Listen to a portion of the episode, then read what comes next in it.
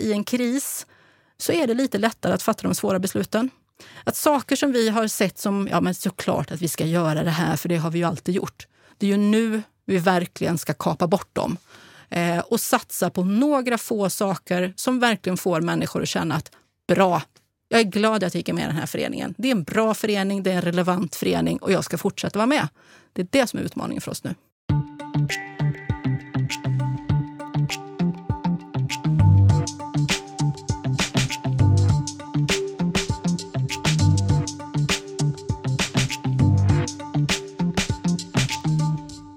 Henrik, Ted! du ser pigg ut idag. Jo, men pigg och stark och fräsch. Jag är lite glad och uppsluppen. Härligt! Ja. Själv då? Eh, absolut. Eh, jag mår eh, bra. Jag har eh, dock lite tendens till eh, corona eh.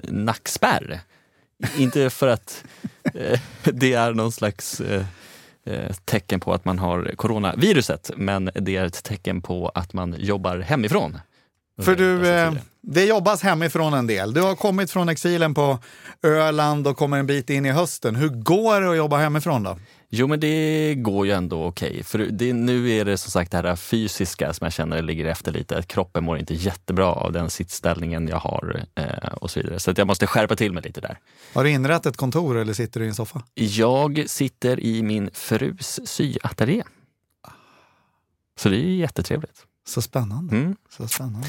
Eh, och det här eh, kommer man ju osökt in då på corona som eh, vi har pratat redan mycket om i den här eh, podden. Eh, men eh, vi ska fokusera ännu lite mer på det idag. Ja, det är ju så att vi går faktiskt lite på tips idag. Vi har fått in ganska många som säger att ni måste prata med Svenska Turistföreningen. Svenska Turistföreningen har gjort en fantastisk resa den här våren, eller inte en fantastisk men en intressant resa den här våren. Ni måste prata med Svenska Turistföreningen. Och eh, sen har ju Svenska Turistföreningen Maria Ros Hjelm som eh, chef. Eh, och hon har ju sedan väldigt länge stått på våran önskelista om att prata. Ända sedan vi satt och spånade om att göra insamlingspodden så då kom hon upp. Eftersom hon är ju en sån profil i branschen. Men eh, vad ser du fram emot eh, just att prata med Maria om vad gäller coronavåren? Nej, men det är ju att höra, eh, som du är inne på, deras resa. Eh, och sen utöver corona, för att vi inte ska fastna bara i det, eh, så är det väldigt intressant tycker jag att ha en organisation som är en blandning av det här ideella och kommersiella, där de har mycket av sina intäkter som kommer från boendena och så vidare. Och just den mixen tycker jag är intressant. Så det vill jag höra mer om. Du då? Jag känner nog att jag vill beta igenom vad som har hänt för dem under den här våren. Lite grann, när gjorde de vad? Eh, och, och hur har hon upplevt det här?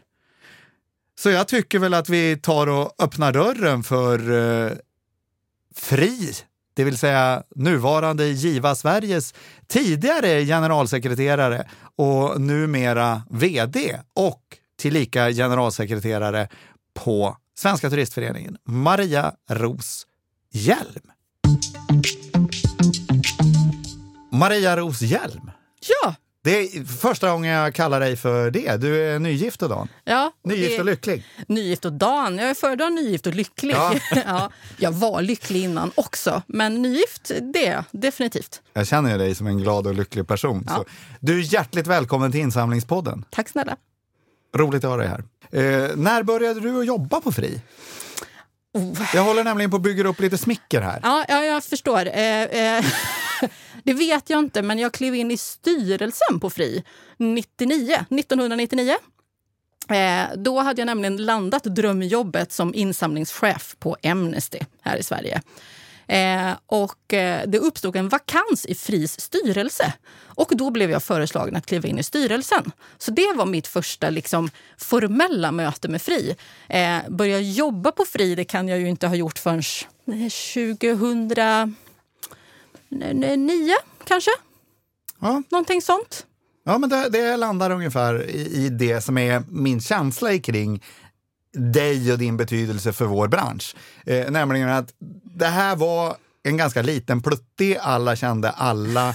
Eh, och det var inte så mycket bransch, utan det var vi träffar honom och han berättar och så får man reda på lite grejer. Men du gjorde Fri till eh, en branschorganisation och vi blev en bransch mer. Det är, och, och framförallt när du blev eh, GS för det där. Oj! Ja, grattis! Kul att ha dig i insamlingspodden. Fantastiskt. Ja, nu blir jag så här. Tänk om jag hade varit live så man hade sett det här och inte bara hört. För då har man nog sett att jag börjar lite så här rodna. Eh, jag blir väldigt glad över att höra det. Vad- Jätteglad. Det här är det som, den här resan som Fri har gjort och som nu har lett fram till IVA Sverige. Jag är sjukt stolt över att ha varit en del av den resan. Jättestolt. Om man tittar på din del av den resan, vad var det du tog över som GS och vad var det du lämnade som GS? Oj. Ja, men jag tror att eh, det handlar mycket om att etablera. Det, det handlar ju om att skapa den här branschkänslan. Eh, en tillhörighet. Eh, dels som rent yrkesmässigt för de som jobbar med insamling. Att de skulle känna att även om det var en branschorganisation där organisationen i sig är medlem så handlar det om att skapa en arena för alla de som jobbar med de här frågorna. Eh, utbyta erfarenheter och framförallt känna en tillhörighet. För det finns i så många, många andra branscher. Jag menar det, fackförbunden är ju ofta organiserade utifrån att du, du är lärare, du är ingenjör, du är civilekonom. För en insamlare, så den tillhörigheten fanns inte. Så det var en del av det jag ville åstadkomma och jag tror faktiskt att det har vi gjort. Sen handlar det ju jättemycket om resan med vad ska jag säga, kvalitet, etik, förtroende. Men också att vi påbörjade arbetet med att verkligen ta fram siffror. Siffror på vad den här branschen faktiskt åstadkommer. Eh, vi började verkligen prata om effekt och började rapportera på effekt. Och idag tror jag vi knappt ens liksom reflekterar över att det eh, skulle man ens ha gjort på ett annat sätt. Men så var det ju. Det var verkligen ingen självklarhet. Eh, men det jag kanske är mest stolt över, och det påbörjade jag ju långt innan jag faktiskt var anställd i Fri, det var utbildningsverksamheten. Kurser, utbildningar. För den första grundkurs i insamling, den ägde rum hösten 1999. Då var jag alltså en del av Fris styrelse och var med och tog fram den utbildningen. Och den har jag varit med och hållit i sen ända fram till 2016 när jag faktiskt lämnade Fri som generalsekreterare. Jag var med 2015, Ja, jag är precis så ny i branschen. Ja. Eh, och eh, det var ju det var superviktigt att gå på det faktiskt. Mm. Eh, man fick ju verkligen den här grunden och sen var det väldigt intressant att träffa andra Mm. eh, och också kom till insikter om att det är väldigt många kvinnor i den här branschen.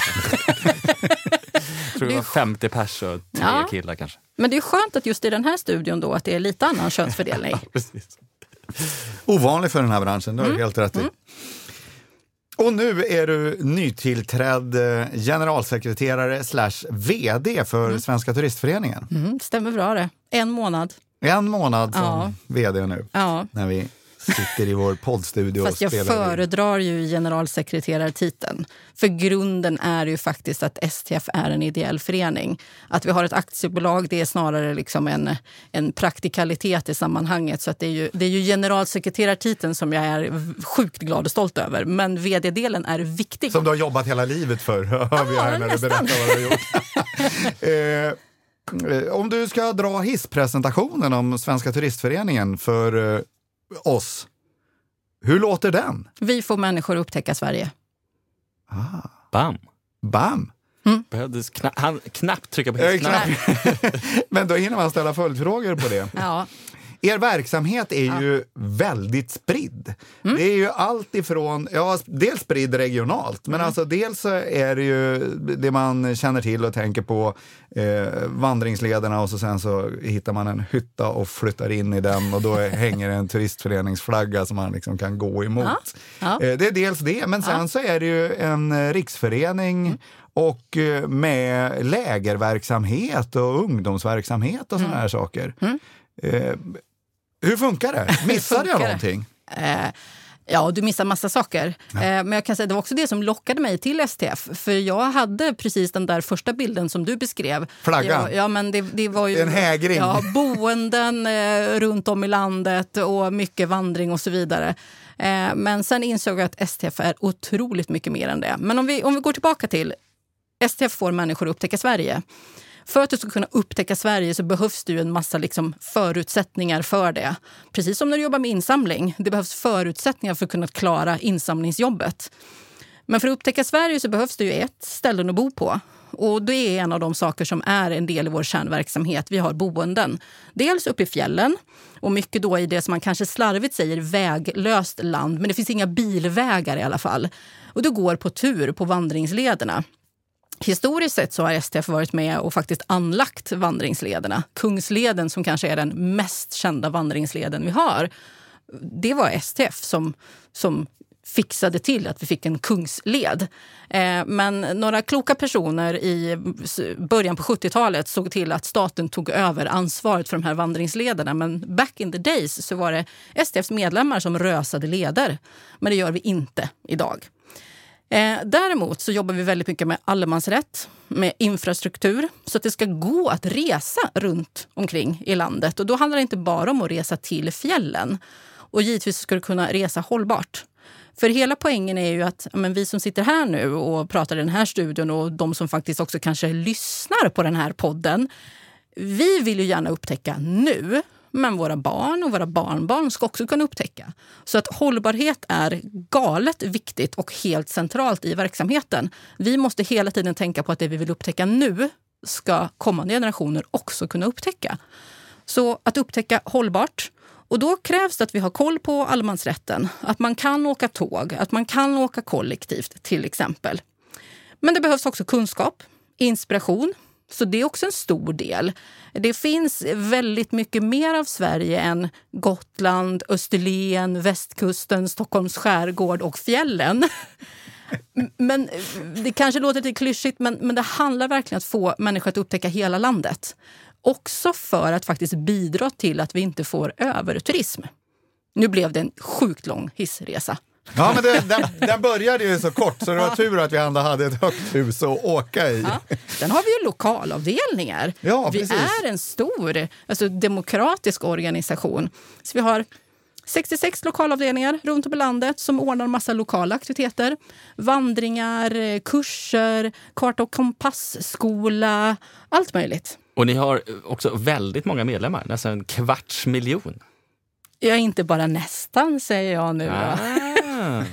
En teaser. Ja, det, det har vi. Eh, det här har varit en av de stora utmaningarna inom STF. Så när jag, när, när jag började på STF för lite drygt då, fyra år sedan eh, så var hisspitchen när jag sökte jobbet från de som rekryterade att eh, du ska vända STFs medlemskurva. Sen har inte jag gjort det själv. Men det var mitt uppdrag när jag klev in på STF och det var ju det som gjorde att det var lockande också. För då hade STF haft en vikande medlemskurva i över 25 år. Men nu växer vi. Vi växer så det knakar. Och framför allt skulle jag säga så ser vi att det har varit ett stöd från människor i Sverige under corona. Har varit att bli medlem. Så att jag, det är så här, mm, gåshud. Vi återkommer mm. till det där. Men hur är det att jobba i en medlemsstyrd organisation så här då? Underbart! Det... annars, ska, annars ska man inte vilja vara generalsekreterare om man inte faktiskt tycker att hela det ideella engagemanget och den demokratiska principen, om, inte, om man inte tror på den och tycker att den är spännande, då ska man inte ta ett sånt här jobb överhuvudtaget. Eh, och det är extra spännande i en organisation som STF där vi också har kommersiella element. För hela vår boendeverksamhet drivs ju på helt kommersiella grunder. Eh, men jag i förrgår kväll deltog i ett digitalt eh, informationsmöte Eh, för vi är ute nu och eh, letar nya medlemsombud som är de som representerar medlemmarna på stämman. Och då inledde jag med att berätta om min syn på föreningsdemokratin inom STF. Och jag sa, för mig är det vår livsnerv. Och just nerv, det är ju det som gör det lite spännande. Du vet inte när du kommer till en stämma hur det ska bli. Det kommer massa förslag och det kommer att bli diskussioner, det vet du. Men det är medlemmarna till syvende och sist som styr inriktningen på verksamheten. Och jag, ja, jag tycker att det är fantastiskt. Men på det viset är väl STF lite grann en föregångare i det som kommer bli lite grann den nya rollen. Giva har ju satt ihop sex stycken, tillsammans med några andra organisationer, sex stycken grupper som arbetar. Men just det här, den blandning som du berättar om utav det ideella, det medlemsstyrda, men ändå att man har det kommersiella tänket. Mm. Ja, precis. Alltså, om man tittar på er årsredovisning så omsätter ni ändå en herrans massa pengar. 378 ja. kanske miljoner förra året. Mm. Eh, och eh, som vi var inne på, ni har ju väldigt många medlemmar, men mm. det är mm. ju inte medlemsavgiften som är er stora intäktskälla, Nej. utan det är ju boendena. Ja. Eh, så att just den där balansen mm. mellan det ideella och kommersiella. Mm. Det är ju en annan nerv då. Kanske lite mer nerv ibland. Eh, jag kan säga så här, vi har ju haft eh, ett antal olika forskare från civilsamhällesforskningsvärlden som har varit inne och verkligen gottat sig i STF. För att vi är ju liksom hybridernas hybrid. Eh, men jag tror att det är viktigt att komma ihåg att den kommersiella verksamhet som vi bedriver, den skulle inte finnas om vi inte hade föreningen. Och kommer man ihåg det också när man fattar sina beslut och har sina diskussioner, då går det faktiskt att navigera i det här. Eh, vi har samma ledningsgrupp för föreningen och för bolaget och vi har samma styrelse för föreningen och bolaget. Eh, så att strukturen där är en och samma. Det finns ju andra hybridorganisationer som har valt att ha aktiebolaget till exempel liggande helt bredvid med en annan vd, en annan ledningsgrupp och till och med ibland en annan styrelse. Eh, vi har en och samma. Så alla har grunduppdraget att få människor att upptäcka Sverige. Men som ledare, är det inte mm. väldigt svårt eh, att få ihop de här bitarna med 250 000 medlemmar och 60 boenden eller vad det är och medarbetare på huvudkontor? Det, är väldigt, det skiljer sig väldigt mycket. Det skiljer sig jättemycket och i den där uppräkningen så saknades det ytterligare då en dimension att eh, förutom våra egna boenden som är då ungefär 60 till antalet så har vi ju nästan 200 boenden till som är anslutna på franchisebasis som är i sig entreprenörer som har sina egna verksamheter men som de har valt att ansluta till STF. Så det, det, gör liksom, det gör hela den här fantastiska, eh, vad, jag ska inte säga soppa för det är verkligen ingen soppa, utan en, den fantastiskt mustiga grytan gör det ju ännu mer spännande.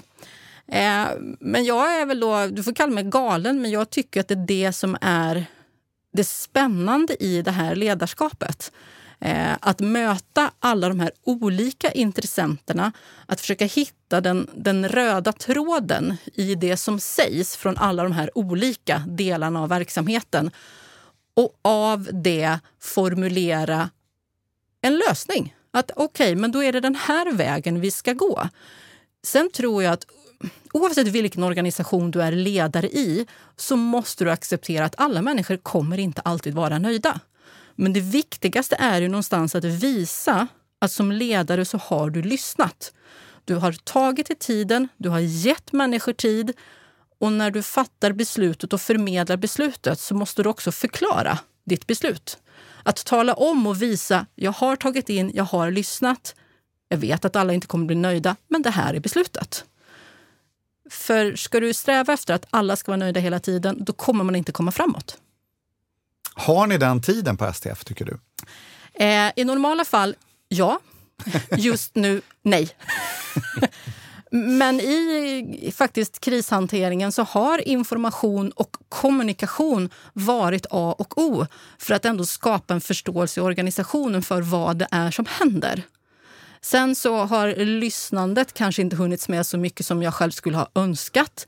Men då har vi snarare kommunicerat varför vi inte hunnit med att lyssna på alla. Eh, så att, eh, ja, det har ändå funkat, skulle jag säga. Hur har kommunikationen förändrats under den här perioden? Under coronaperioden? Ja, jag kan säga under våren så satt jag och skrev dagliga uppdateringar på vårt intranät. Det gör jag normalt sett inte annars kan jag säga. Eh, men vi märkte redan efter en vecka vecka in i corona. Eh, och det är ju alltså, eftersom vi ändå STF, vi är en besöksnäringsaktör eh, och vi påverkades. Det sa ju pang. Och det var inte bara det att eh, alla ringde och frågade har ni öppet, har ni inte öppet, utan det handlar om bokningsregler, avbokningsregler, anpassningar. Var ska, var ska vi vara någonstans? Vågar vi vara på kontor? Det var ju allt och lite till. Plus att ekonomin, det var som proppen gick ur. Eh, så från en vecka in i krisledningsläge så började vi med dagliga uppdateringar. Eh, och det, ju, det, skapade ett lugn i organisationen. Inte så att alla kände att Åh, det är ingen fara, utan lugn i att då visste resten av organisationen att ledningsgruppen visste vad de höll på med. För det som händer i en kris det är ju att många människor blir oroliga. Men tänk om de inte har tänkt på det här? Och det var vi tvungna att hantera. Och då blev de här dagliga uppdateringarna ett sätt att tala om vi har tänkt på det här, vi har tagit in de här parametrarna och det skapade e-, ett lugn som folk ändå kunde liksom jobba i. Sen är det ju fortfarande, det var ju en torktumlare för alla. Och jag kan säga till viss del är vi kvar i torktumlaren. Maria, nu ser jag precis Josefina komma in här eh, utanför fönstret. Så att, eh, vi bjuder in henne lite och så kommer vi snart tillbaks till eh, vårt samtal. Josefina Benasos från Giva Sverige bryter nu sig in i studion. Hej och välkommen! Hej! Bryter sig in kanske var att ta i. Men... Ja, men hon bryter sig in i samtalet ja, som vi har här. Eh, Giva Sverige är ju huvudpartner till den här podden. Och du är vår ständiga gäst för du har ett så spännande arbete. Kan inte du berätta lite om vad du jobbar med först innan du tar dagens siffror? Ja, vad kul att vara här. Ehm, jag jobbar med kunskap, eh, att ta fram kunskap inom Giva Sverige eh, för att förstå vad som påverkar våra organisationer och insamling av gåvor i Sverige just nu. Ehm, så jag jobbar väldigt mycket med analys av siffror eh, för att förstå utvecklingen. Och jag är här för att dela med mig av en del utav det. Gud, vilket roligt jobb du har! Otroligt spännande. Vad har du för siffror eh, och för kunskap att dela med dig av idag? Ja, men idag tänkte jag att vi skulle prata lite om eh, coronapandemin och hur den har påverkat arbetet med insamling av gåvor. Alltså det, eh, hantverket med insamling av gåvor. Vad har hänt med det? Hur har vi ställt om? Det tänkte jag berätta lite om idag. Kul! Roligt! För att inte säga spännande. Ja, men det här är ju faktiskt kanske den enda podden som tycker att det är kul att prata om arbetet med insamling av gåvor. Så då får vi passa på att göra det här, eller hur? Ja. ja. Varsågod. Ja, jo, men vi, har, vi på Giva Sverige har ställt frågor löpande till våra eh, 160 medlemsorganisationer om hur de påverkas av coronapandemin. Hur påverkas vi av den här rådande krisen och hur påverkas arbetet? Och det vi kan se vad det gäller eh, självaste hantverket insamling av gåvor är ju att det finns en enorm flexibilitet i våra medlemsorganisationer. Man har eh, såklart, som alla andra, blivit tvungna att ställa in fysiska event såsom mässor, eller galor eller festivaler. Men också andra fysiska aktiviteter som face-to-face och door-to-door-kampanjer. Eh, och man har istället ersatt det med eh, digital verksamhet till mångt och mycket. Jag såg i en brittisk undersökning så uppger eh, över 70 procent av organisationerna att de har haft sitt första digitala event sedan pandemin startade. Och det tänker jag skulle kanske kunna stämma för Sverige också. Att det är otroligt många som har liksom klivit in i de här digitala aktiviteterna väldigt fort sedan mars i år. Um, och det är fler organisationer som alltså säger... de, Pandemin har gjort att de har haft sitt första digitala event. Precis. Ja, det är precis. inte så att de har haft sitt första digitala event nu i på hösten. Nej, så lång utan, tid, utan man har ställt om fort. Precis. Pandemin tvingade dem in i digitala events väldigt fort. Och eh, det är många som säger också att det här har ju varit en skjuts i baken. Den här otroligt snabba digitaliseringen som har skett, inte bara inom vår sektor, har ju hjälpt organisationerna på ett sätt också. För många organisationer har ju en äldre målgrupp som kanske inte har varit de mest eh, aktiva på sociala medier eller att använda digitala redskap. Men nu är även de där. Pandemin har liksom skjutsat in oss alla i digitaliseringen mycket snabbare än vad vi hade räknat med. Och det kan också många organisationer använda i sitt insamlingsarbete. Så att eh, snabb omställning, mycket flexibilitet och vi har klivit in i det digitala. Eh, vad det gäller nyrekrytering av givare så nämnde jag face to face och door to door. Eh, 60 till 80 procent av medlemsorganisationerna uppger att de på något sätt har ställt om sitt nyrekryteringsarbete. De har gjort förändringar. Och då handlar det ju dels de som har haft eller har face-to-face och door-to-door-verksamhet, alltså där man uppsöker för att värva månadsgivare.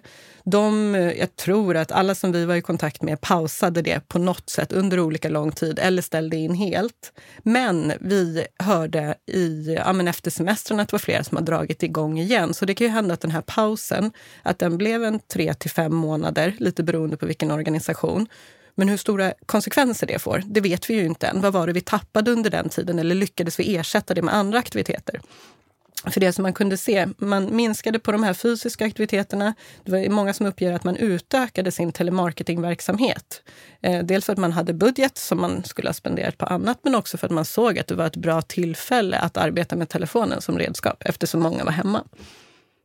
Eh, och vi ser också att eh, man har lagt större delen av sin marknadsbudget på eh, sociala medier och digital annonsering av olika slag. Ehm, yes. Så det är de två främsta. Fysiska event såklart ställt, ställt in och ställt om och ökat digital närvaro. Och att den här pausen på face to face och door to door, att det, det, är svårt att säga än vad det kommer ge för konsekvenser. Det är möjligt att man lyckades ersätta det med annat eller så ser man ett tapp i månadsgivandet på grund av det. Det vet vi inte riktigt än. Men det är sånt som vi ser då, våren 2021? Ja, det låter rimligt tänker jag. Mm. Yes. Mm. Ja. Här fick vi eh, fakta kring corona oss given. Stort tack! Tack för idag! Där gick Josefina, men nu tycker jag vi eh, tar fram almanackan och så betar vi igenom det här. När förstod du att eh, det som hände i Wuhan, det, det, kommer, eh, det kommer ställa till det? Jag vet faktiskt inte. Och det borde man kanske då ha suttit och reflekterat över så här i efterhand. När, när plockade vi egentligen upp signalerna?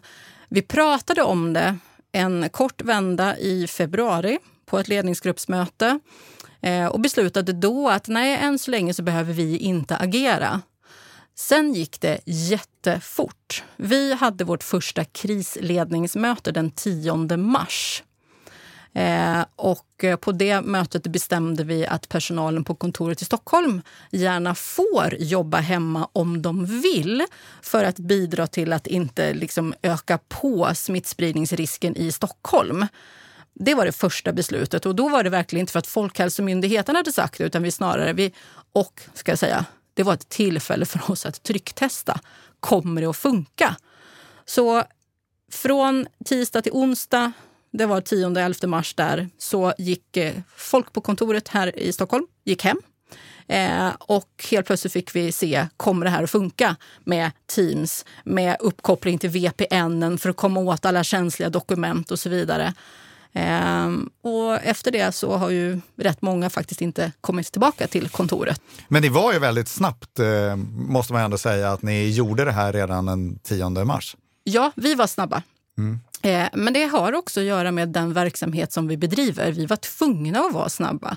Eh, vi har internationella gäster som ju med en gång börjar... Vi har kan säga, i Abisko ganska mycket internationella gäster just från Asien. Eh, så de började ju ringa och boka av. Eh, så vi fick ju utifrån det perspektivet ganska tidiga signaler. Eh, men först så var det ju verkligen det här att det var bara avbokningarna från Asien. Sen så bör man inse att det här är oändligt mycket större än så. Så att vi har anpassat, anpassat och anpassat igen. Och då stängde ni ner fjällanläggningarna i förtid? Nej. Nej. Vi stängde fjällstugorna då stängde i ni... då tar vi om det. Eh. Och då stängde ni ner fjällstugorna i förtid? Ja.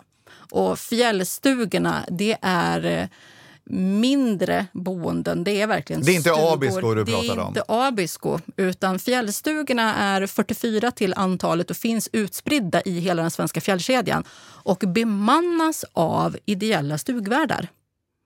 Det finns ingen, inget rinnande vatten i fjällstugorna, finns ingen elektricitet i fjällstugorna. Ibland finns det solceller eh, som driver viss fundamental utrustning. Men för gästen så finns det ingen ström, finns inget rinnande vatten. Du kan inte ladda mobilen i en fjällstuga? Nej, och det är lite det som är hela principen.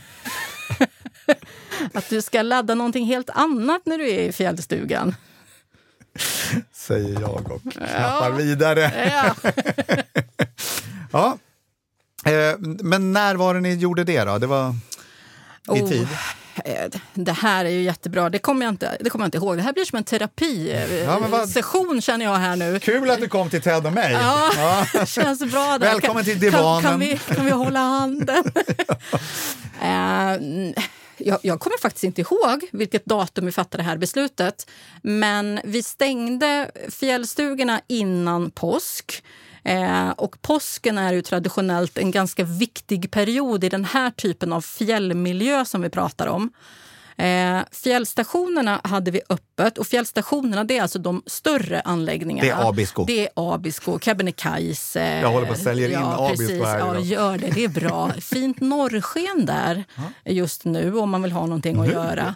Ja, kanske inte klockan liksom Nej, mitt en alltså så fredag eftermiddag. års. Oh ja, det har redan börjat. Oj! Ja, det är magiskt. Ja, det är det. Alltså norrsken är magiskt, men Ja. det har jag bara sett på vintern. Ja, nej då. Det är, den, den är redan i full gång. Håller på ända fram till mars någon gång. Mm, norrskenssäsongen. Men Var var vi någonstans? Ja, vi vi var, var- i fjällstugorna. vi var vid att ni stängde fjällstugorna eh, Men vi hade öppet i på- Abisko och de andra fjällstationerna. Ja, och det fick vi ganska mycket kritik för. Eh, därför att Skistar valde ju att stänga ner sina anläggningar. Eh, för Men det är lite mindre afterski på era fjällstugor det är va? väldigt mycket mindre afterski. Men det här var ganska intressant för att vi först så var liksom Skistar the bad guy när det handlar om liksom fjällen och de man krävde att de skulle stänga. Och när de då väl stängde, ja då blev ju vi the bad guy. Men då ska man också förstå någonstans i det här att det som kanske skiljer då ST från många andra aktörer, och det här kommer det ju in hela föreningsperspektivet. Vi har ett uppdrag. Vi är en del i hela fjällsäkerhetsmiljön. Så att fjällstugorna och fjällstationerna till exempel, de ingår ju i Eh, en hel kedja eh, av saker som ska finnas på plats för att människor ska kunna vistas i fjällmiljö. Det finns nödrum som alltid är öppna oavsett tid på året. Eh, och det, vi har vad ska jag säga, markupplåtelse, heter det. Så att i vårt avtal med staten om att få ha upplåtelse för att få ha den här verksamheten så måste vi också bidra till fjällsäkerhetsperspektivet.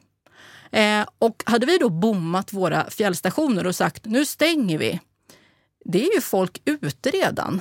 Och folk kommer att ge sig ut även om vi inte har öppet. Och det vet vi. Så för oss var det faktiskt att nej, men vi måste ändå stå fast vid att vi har, vi har avlagt ett löfte om att vi ska bidra till fjällsäkerheten. Vi måste finnas här för de som faktiskt är ute på fjället. Eh, Så vi fick ta rätt mycket kritik för det där, men jag står fast vid att det var rätt beslut. Sen anpassade vi otroligt mycket och det var ju knappt inga människor ute. Men lokalbefolkningen var ute och för dem hade vi öppet. Eh, när vi har, jag har försökt skapa en bild över e- erat, erat år lite grann. Oh, är- Låt mig höra. Ja, och där i början på april, då var det, då var det kris. För då Ja. Basunerades det ut i media att ni var, stod på konkursens eh, brant, säger man va? Det var, Hur illa var det i början på april? Det var riktigt illa. Det var det? Det var riktigt illa. Eh, och det handlar mycket om likviditeten. Eh, pengarna man har på banken. Eh, och då ska man någonstans förstå hela STFs verksamhet. Vi har ju medlemsintäkter, det har vi pratat om. De får vi in löpande under året. Vi har ett rullande medlemsår. Så det vet vi ganska väl liksom hur, hur de pengarna kommer in. Men sen har vi då en vintersäsong som är väldigt kort. Vi öppnar ju inte liksom jul nyår som många klassiska skidanläggningar. Utan vår säsong börjar först i februari. Förutom Abisko som faktiskt har öppet året om. Så åk Ja. dit! Ja, precis. Lite reklam. Eh, nej, men skämt åsido. Så att vår säsong börjar ju först i slutet av februari. Eh, och sen så stänger vi igen i slutet på april. Vi har en väldigt kort vintersäsong. Och på den eh, tiden så ska vi då få in ganska mycket pengar. Intäkter som så ska hålla oss liksom flytande tills sommarsäsongen kommer igång. Och den kommer igång efter midsommar. Eh, och när då det säger liksom broms i hela vintersäsongen och proppen fullständigt går ur. Vi tappade ungefär 50 miljoner i intäkter eh, fram till april. Och likviditetsmässigt så blev det ju kris. Eh, och när vi då gjorde en prognos utifrån likviditeten så såg vi att när vi kommer till maj, då kommer vi inte kunna betala ut löner. Eh, så vi var ju ett otroligt tufft läge eh, och eh, sökte vartenda stöd som fanns. För då började de olika stödpaketen komma med permitteringsstöd och så vidare. Men vi var tvungna att säga upp personal, eh, både ute i driften men också på vårt huvudkontor i Stockholm. Eh, permitteringsstödet har vi ju sökt så mycket som bara går. Och nu använder vi permitteringstiden till att faktiskt vidareutbilda, kompetensutveckla personalen och försöker ändå hitta det, liksom det positiva i att vi, vi har permitteringar. Eh, men vi gick också ut och samlade in pengar. Ja, det var det jag tänkte. För sen... Såklart vi gjorde. Ja. Jag, jag kan ju inte ha Kom den gamla jobbat där. Ja. fundraisern i dig fram då? ja. Den låg där och liksom ah, kliade i fingrarna. Ja, men för ni fick in lite stora företagsdonationer. Ja, det fick vi. Eh, Fick ni även in eh, liksom insamlade medel från privatpersoner? Jag skulle säga att det var den stora delen. Det var det? Ja. Eh, och nu är det ju... Inte bara medlemsökning alltså, utan att människor... Nej, Swish-gåvor. Swishgåvor? Ja. Och var här- det medlemmarna eller var det... Det var alla, kan jag säga. Eh, Men vi har ju gjort alla fel i bemärkelsen att det är ju inte så att vi har sparat namnet på de här personerna, lagt in i en databas, sen ber om ett autogiro och så vidare. och så vidare. Utan här var det ju verkligen den klassiska liksom, kris och katastrof. Vi behöver få in pengar nu. Eh, och det kan vi säga så här, sen jag kom, kom till STF så har ju liksom tanken funnits, ja, men när ska vi börja samla in pengar? För jag kan säga att det finns en enorm potential. Vi har, som vi redan har nämnt, över 250 000 medlemmar och det är såklart att de, många av dem säkert skulle kunna tänka sig att ge mer än det som är medlemsavgiften. Men systemfrågorna har lite satt käpparna i hjulet. Alla dessa kurser genom åren där jag har stått och pratat om medlemsdatabaser och insamlingsdatabaser och så vidare. Och jag kan säga nu är jag i en organisation där Oh, vad jag skulle vilja ha oändligt med pengar och bygga om liksom alla systemen från grunden. För det, det, har inte, det har inte varit enkelt att göra några förändringar. En av de saker som vi hade startat 2020 det var just ett projekt för att gå igång med ett nytt system för att kunna möjliggöra bland annat insamling. Men det har vi ju liksom fått sätta paus på, så får vi se. Så här var det bara in Synd att ni fick sätta paus på det. När Ja, det, skoja inte. Usch, nu, nu. det här var ju terapin, förlåt att jag Ja, tog upp precis. det. Nu känner jag det blir som ett stort öppet sår. Nej, så för oss var det verkligen, vi behövde få in pengar. Men, och hur fick ni in dem då via de här företagen och privatpersoner? Vi er? drog igång en klassisk insamlingskampanj, Härligt. sociala medier, en känslosam film där vi verkligen gick på med det emotionella budskapet att är det någon gång STF behöver dig så är det nu. Eh, vi kunde inte tala om exakt vad pengarna skulle användas till utan det var liksom, det var, vi vädjade till människors hjärta. Men vi var också väldigt, vi, vi var väldigt transparenta med liksom, så här är läget. Eh, vi kan inte tala om att pengarna går till att rädda just den här delen av verksamheten utan det här är STF totalt sett som behöver räddas. Eh, och vi gick mycket på, vi har funnits sedan 1885, fyller 135 år i år. Eh, och nu står vi inför den värsta krisen i vår historia. För det var verkligen så. Eh, och eh, den insamlaren i mig vet ju att emotionella budskap, det funkar. Och det gjorde det. Eh, I ledningsgruppen så var det väl några som... Ja, är det ens någon idé att vi håller på med det här? Det kanske kommer att ge ah, 250 000. Det är för mycket. 5 miljoner blev det ändå. Eh, det är ju ganska blygsamt om man tänker på vilka andra som har gästat insamlingspodden och så där och pratat insamling. Men för oss så var det helt avgörande där och då. Eh, och jag tror också att vi har visat organisationen generellt sett att det finns en potential i det här. Sen var det när vi klev in på banken för att diskutera banklån, för det är banklånet som... Vi har tagit ett banklån, 50 miljoner kronor. Eh, för att faktiskt ta oss ur krisen. Men att vi kunde visa på medlemmarnas stöd och de här gåvorna gjorde att banken också kände att vi blev en tryggare vad ska man säga, låntagare. Så att det betydde mycket mer än vad många tror. Jag älskar värmländskan. Det, nu blir jag lite Var, engagerad. var, var, var hade ni tagit lån sa du? Bonken. Bonkan. Eh, Men jag, Alltså, jag trodde det här var en seriös podd. det var det. Ja, precis. Nej, men vi det är- spårade nu. har du lyssnat på oss tidigare? Så, eh, nej men, Eh, förutom banken, hur mycket statligt stöd har ni fått?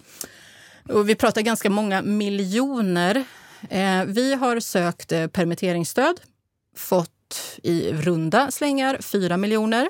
Vi har sökt så kallat omställningsstöd och där är det också någonstans 4-5 miljoner. Vi har kunnat söka de stöd som har funnits kopplat till hyror.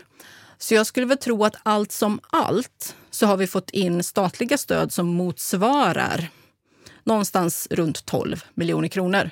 Eh, nu kanske då vår ekonomichef är jätte, blir jätteupprörd när hon hör det här för att jag missade på någon miljon. Och man ska inte slarva med miljonerna, men någonstans där. Okej, ja, men då har vi ändå lite grann fått grepp om Mm. Ja. hur mycket pengar det trillade in eh, från bortfallet under Ja. våren. Ja. Men om, om jag bara får backa till den här insamlingskampanjen som Ja. du då drog igång. Ja. Eh, när ni låg då på botten så att säga och Mm. såg att nu, nu är det riktigt kris här. Mm. Då kanske det inte, alltså man, alla vet ju eh, som jobbar med insamling att det kostar pengar att samla in Ja. pengar också. Eh, hur var det att eh, få loss den idén att nu tycker jag vi lägger pengar här på att eh, försöka samla in pengar? Eh, jag kan säga så här att jag befann mig ju då att jag var den rollen som man behövde övertyga. Och jag var inte så svårövertygad kan jag säga. Eh, vi hade fördelen med att Swish det hade vi etablerat sedan tidigare och har jobbat med gåvor kopplat till vissa specifika projekt. Vi har samlat in pengar till exempel för att kunna renovera fjällstugorna längs med Kungsleden i en insamlingskampanj som heter Stötta Kungsleden. Så att STF har jobbat med insamling tidigare. Så det fanns liksom vissa moduler som vi kunde rakt av göra om, ändra budskap och koppla på ett annat Swish-nummer. Men vi hade allting med Swish klart. Så vi behövde inte investera så mycket mer än faktiskt tiden. Och då kan jag säga så här att eh, det närmsta liksom, teamet runt omkring mig, där finns det också god insamlingserfarenhet. Så vi var ett par personer som har jobbat med insamling tidigare. Eh, både, två av oss råkar ju ha bakgrund i Amnesty, fast vi har inte jobbat här samtidigt. Så vi känner väl båda två att äntligen! Så att det, det var nästan kvällsarbete på att få ihop den där insamlingskampanjen. Så att det var ett eh, dedikerat team människor som gjorde det möjligt. Men det var liksom egentligen innehållet, content, som vi fick lägga mest tid och resurser på. Och du sa ju att ni kanske inte hade den bästa databasen då, men eh, har ni ändå någon slags hum om eh, vilka det är som har skänkt? Jag tänker demografiskt, eh, åldersmässigt, eh, Swish, kanske en yngre målgrupp eller vad? Väldigt blandat, Ja. ska jag säga. Det går inte riktigt att, att faktiskt dra en slutsats att det var de här vi nådde. Vi köpte ju inget utrymme för att sprida det här utan vi någonstans vad ska jag säga, räknade kallt, för det var verkligen så att det här skulle bli en kampanj som spreds viralt, det där som alla tror att man kan planera. Eh, jag kan säga, vi utgick ifrån att, och det var också därför vi, vi gjorde budskapet som det var, så att det vi bad våra medlemmar om, det var att sprida kampanjbudskapet. Vi har eh, normalt sett, eh, vi skickar ut, vi jobbar mycket med automatisering kring eh, e-postkommunikation till våra medlemmar och till våra gäster. Och där har vi bra system för att jobba med eh, segmenterade budskap i olika typer av automatiserade flöden. Så där hade vi också bra verktyg för att trycka ut budskapet för att få ut det till nästan 150 000 personer på en gång. Och sen postade vi i våra sociala kanaler där vi har ganska mycket följare. Och det var spridningseffekten som gjorde skillnaden. Folk taggade varandra, spred budskapet vidare. Så att det var en, jag kan säga, det var verkligen en salig blandning människor och givetvis så var det folk som ringde. Så att, ja, hej, jag har hört att ni behöver pengar men jag har inte Swish. Eh, och då kunde vi lösa det med bankgiro också. Vi var väldigt flexibla. Härligt. Mm. Eh, Men, men det kliar ju lite i fingrarna nu. Man skulle ju vilja följa upp. men det är svårt. Vi lovade till och med att vi inte skulle göra det. Men eh, då har vi pratat när det var liksom som värst. Mm. Vart står ni nu? Nu står vi i ett väldigt spännande skede. Vi, vi vet att vi klarar oss. Alltså föreningen kommer att leva vidare, verksamheten kommer att leva vidare men vi kommer att ha en väldigt ansträngd ekonomi under ett antal år framöver. Mycket för att det är banklån som har tagits. Det ska, all, alla lån ska betalas tillbaka. Det är en grundläggande princip med lån och där är banken inte så flexibel. Eh, och det gör ju att mycket av de investeringar som vi hade sett framför oss att vi skulle göra de närmaste åren, till exempel i systemutveckling och annat, det kommer vi behöva lägga på att betala tillbaka lånet. Och det gör ju också att den här medlemstillströmningen som vi nu har haft, för förutom att insamlingen faktiskt gick bra, så är det ju också att vi har haft en medlemstillströmning.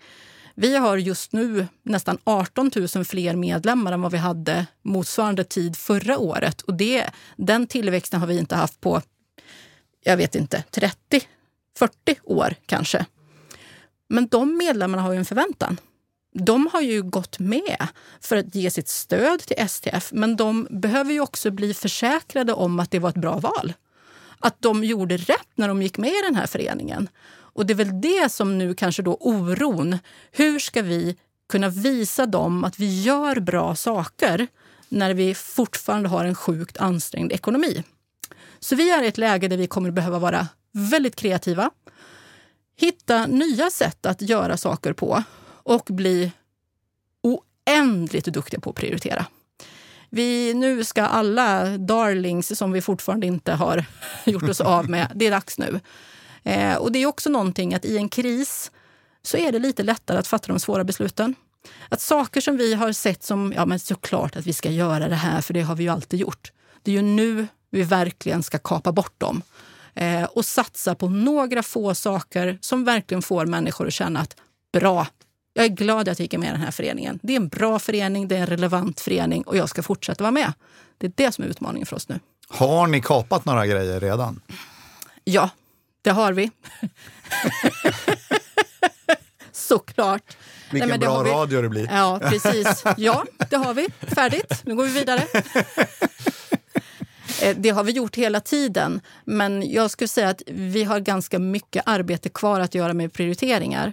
Och där handlar det om att få hela organisationen att förstå att situationen är inte över. Vi har ju haft en sommar nu där många i vår verksamhet har haft massa gäster. Det har varit fullt med folk ute och besökt Sverige hela sommaren. Ja, ni måste ju ha jublat när eh, det blev svemester. Skojar du? Den 4 juni.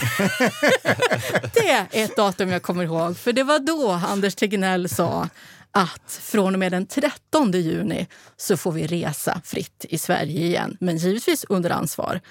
Jag kan säga så här, ja, nej, jag vet inte när jag var så lycklig senast. Nej, det var helt... Den, den dagen var så där, åh, äntligen. Men jag blir nästan gråtfärdig. Ja. nej. Men dit jag ville komma och det som jag tror är viktigt att förstå också när vi pratar om det här med kommunikationens betydelse i organisationen. För nu är vi i ett läge där en del av våra medarbetare har tagit emot massa gäster hela sommaren och de tycker att allt är som vanligt igen. Nu är faran över. Medan delar av verksamheten, storstad till exempel, har knappt inte haft några gäster alls. Eh, vi behöver ju balansera det. Inte döda liksom entusiasmen som finns hos dem som tänker att allt är över. Men vi behöver samtidigt vara realistiska. Det är inte över. Vi kommer behöva fortsätta anpassa. Corona kommer att leva med oss bra tag framöver. Och i storstad, där har vi tappat nästan allt. Men framåt så måste det ändå, det finns ju ändå väldigt mycket positivt som har kommit ur det här, just eh, trenden kring natur och naturupplevelser och det måste ju ändå vara något som ni kan bygga vidare på. Ja, säger jag. Det här med att människor äntligen har fått upp ögonen för vad Sverige har att erbjuda under sommaren, det är ju någonting vi måste bygga vidare på. Och jag säger äntligen, för att det är väldigt många som ändå tänker att åh, sommaren, då, vart ska vi åka någonstans om man tänker att man ska åka ut i Europa och man ska hitta på massa spännande saker. Och jag är en av dem som har gjort precis likadant. Den här sommaren så har jag varit ute och kuskat runt i Sverige jättemycket. Inte bara genom jobbet utan också privat med familjen. Och jag kan säga att vi har hittat så mycket härliga ställen. Och jag känner att sommaren var ju alldeles för kort. Jag längtar ju redan till nästa sommar så jag kan fortsätta upptäcka. Eh, och kan vi få några av de människor som den här sommaren har svemestrat att få dem att välja samma sak nästa sommar också, då vi, har vi ju nått väldigt långt. Och jag tänker även utifrån ett hållbarhetsperspektiv. Jag tror ju inte att det är hållbart att alla människor åker x antal gånger med flyg utomlands varje år. Så att jag tänker att det här är bra långsiktigt, inte bara för Sverige, utan också för hållbarheten. För nästa år då ska vi ta cykeln till Abisko. Cykeln till Abisko? Eller? Nej, vi tar tåget till Rivieran, som vanligt. Tåget till Abisko, det är det man gör. Nattåg till Abisko. ja. Va?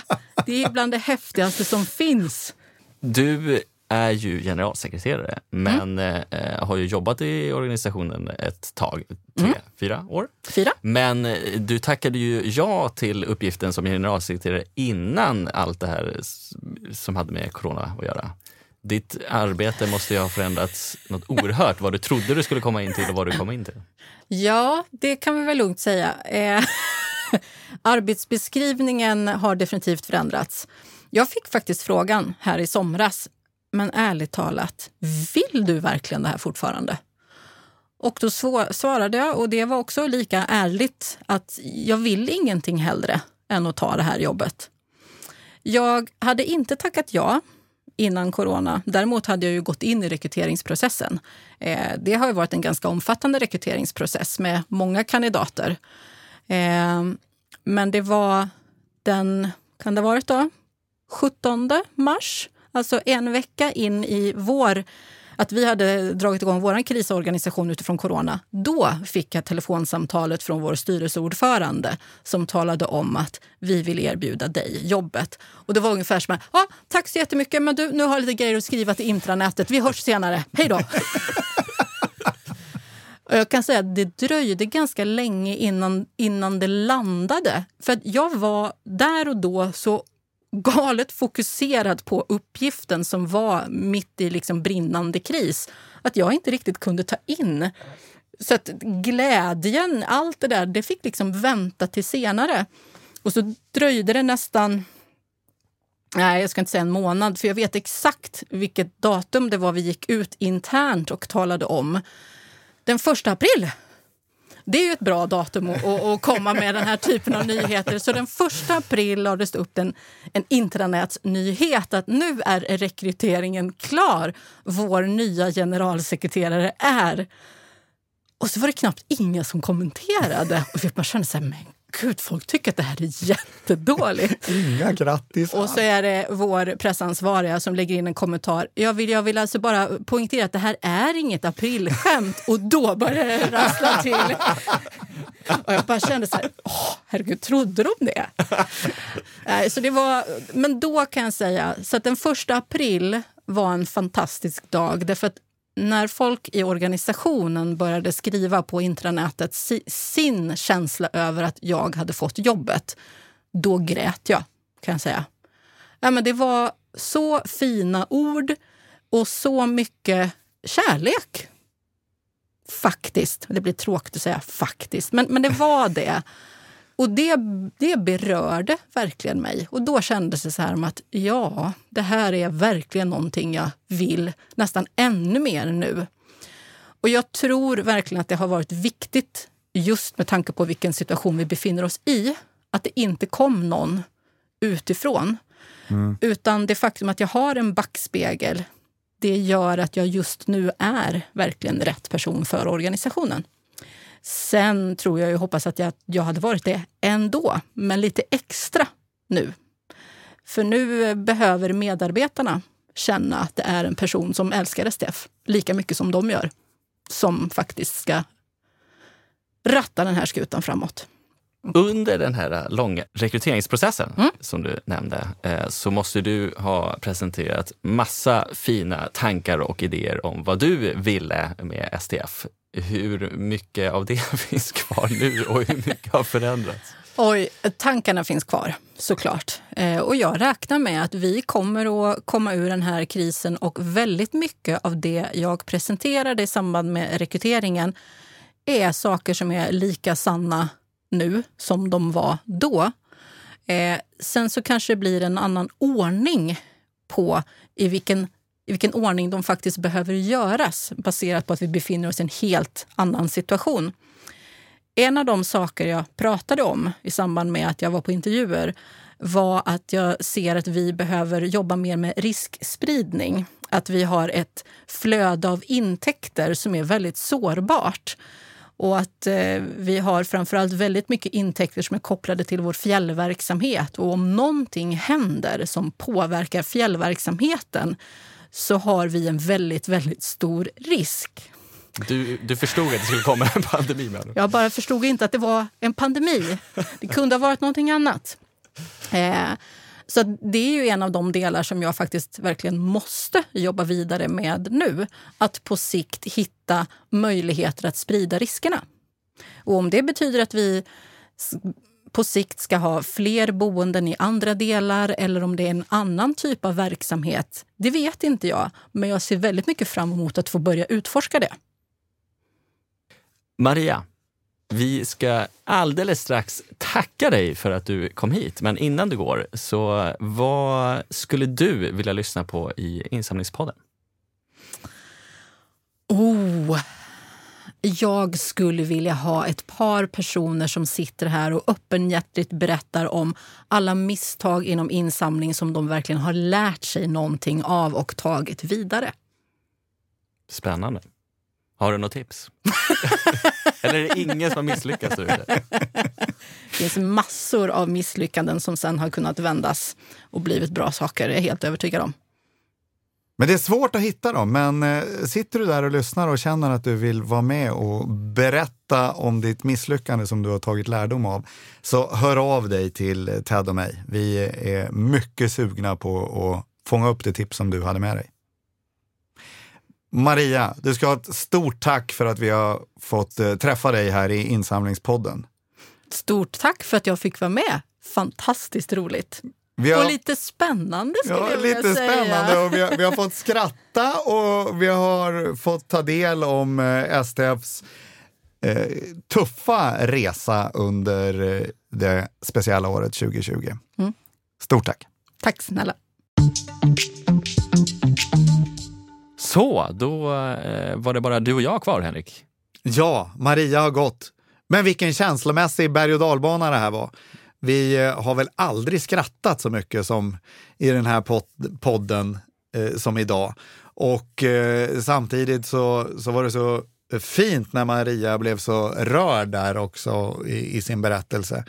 Eh, jag tycker att eh, jag fick svar. Hon var väldigt bra på att liksom gå igenom hur, hur eh, coronavåren har varit för dem. Eh, från det att hon upptäckte att det här viruset kommer ha stor inverkan på, på oss och vår verksamhet eh, till att man var tvungen att ta det där lånet eh, och att man eh, sen startar en egen insamling, eh, knyter handen i fickan. Eh, nej, jag, jag tycker det var himla intressant att, att lyssna på. Mm, verkligen. Och eh, man reflekterar ju lite kring corona i stort och hela hur den här pandemin kommer att påverka oss som, som samhälle. Och det, det jag kände är att jag kanske sprang på lite fort i mitt huvud och tänkte att ja, ja, men visst var det jobbigt för dem i början, men nu har det ju ändå blivit eh, väldigt hett att resa i Sverige och svemester, hemester och allt vad det är. Eh, men eh, det här lånet som du är inne på, på 50 miljoner, det är ju ingenting som bara kommer att skrivas av på en dag, utan det kommer ju de ha med sig eh, länge. Så att eh, just effekten av corona, inte bara för STF, utan det handlar ju egentligen om, om hela Sverige. Både Sverige som land har ju tagit en jävla massa lån nu eh, och alla företag som har det tufft. Och ja, vi kommer kämpa. Ja, men och det kommer vi göra. Och det, jag bara känner så här efteråt att det visar att du och jag inte är några journalister när man kommer på följdfrågorna så här efteråt. Men hur lång tid skulle de betala av det här lånet på, på 50 får du miljoner? veta i nästa avsnitt, säsong sju, när vi intervjuar Maria igen. Det, det blir väl så vi får göra. Eh, sen så eh, körde man viral kampanj. Ja, precis. Det var ju också eh, något, jag hade inte så bra koll på eh, just den filmen, men den måste vi ju verkligen eh, kolla upp eh, och eh, se till att länka på vår hemsida, insamlingspodden.se. Eh, så att när vi släpper det här så, så ligger det där så att ni själva kan gå in och titta på den. För att hon var ju lite ödmjuk med det och, och i form av att hon sa att ja, men det finns ju andra organisationer som samlar in bra mycket mer pengar än så. Men för mig är 5 miljoner väldigt mycket pengar på en kampanj där hon uttryckte också att de inte har lagt eh, några pengar eh, för annonsering utan det är en eh, viral kampanj och det är inte många som lyckas skapa det. Så att, det där ska jag följa upp och titta på och länka till på vår hemsida. Precis. Så medan vi avslutar här så går ni in på insamlingspodden.se och kollar på den film som Maria Roshjelm, dagens gäst, refererar till. Tack för att ni lyssnade. Tack för att du är med mig i studion, Ted. Tack själv Henrik. Fina! Hej!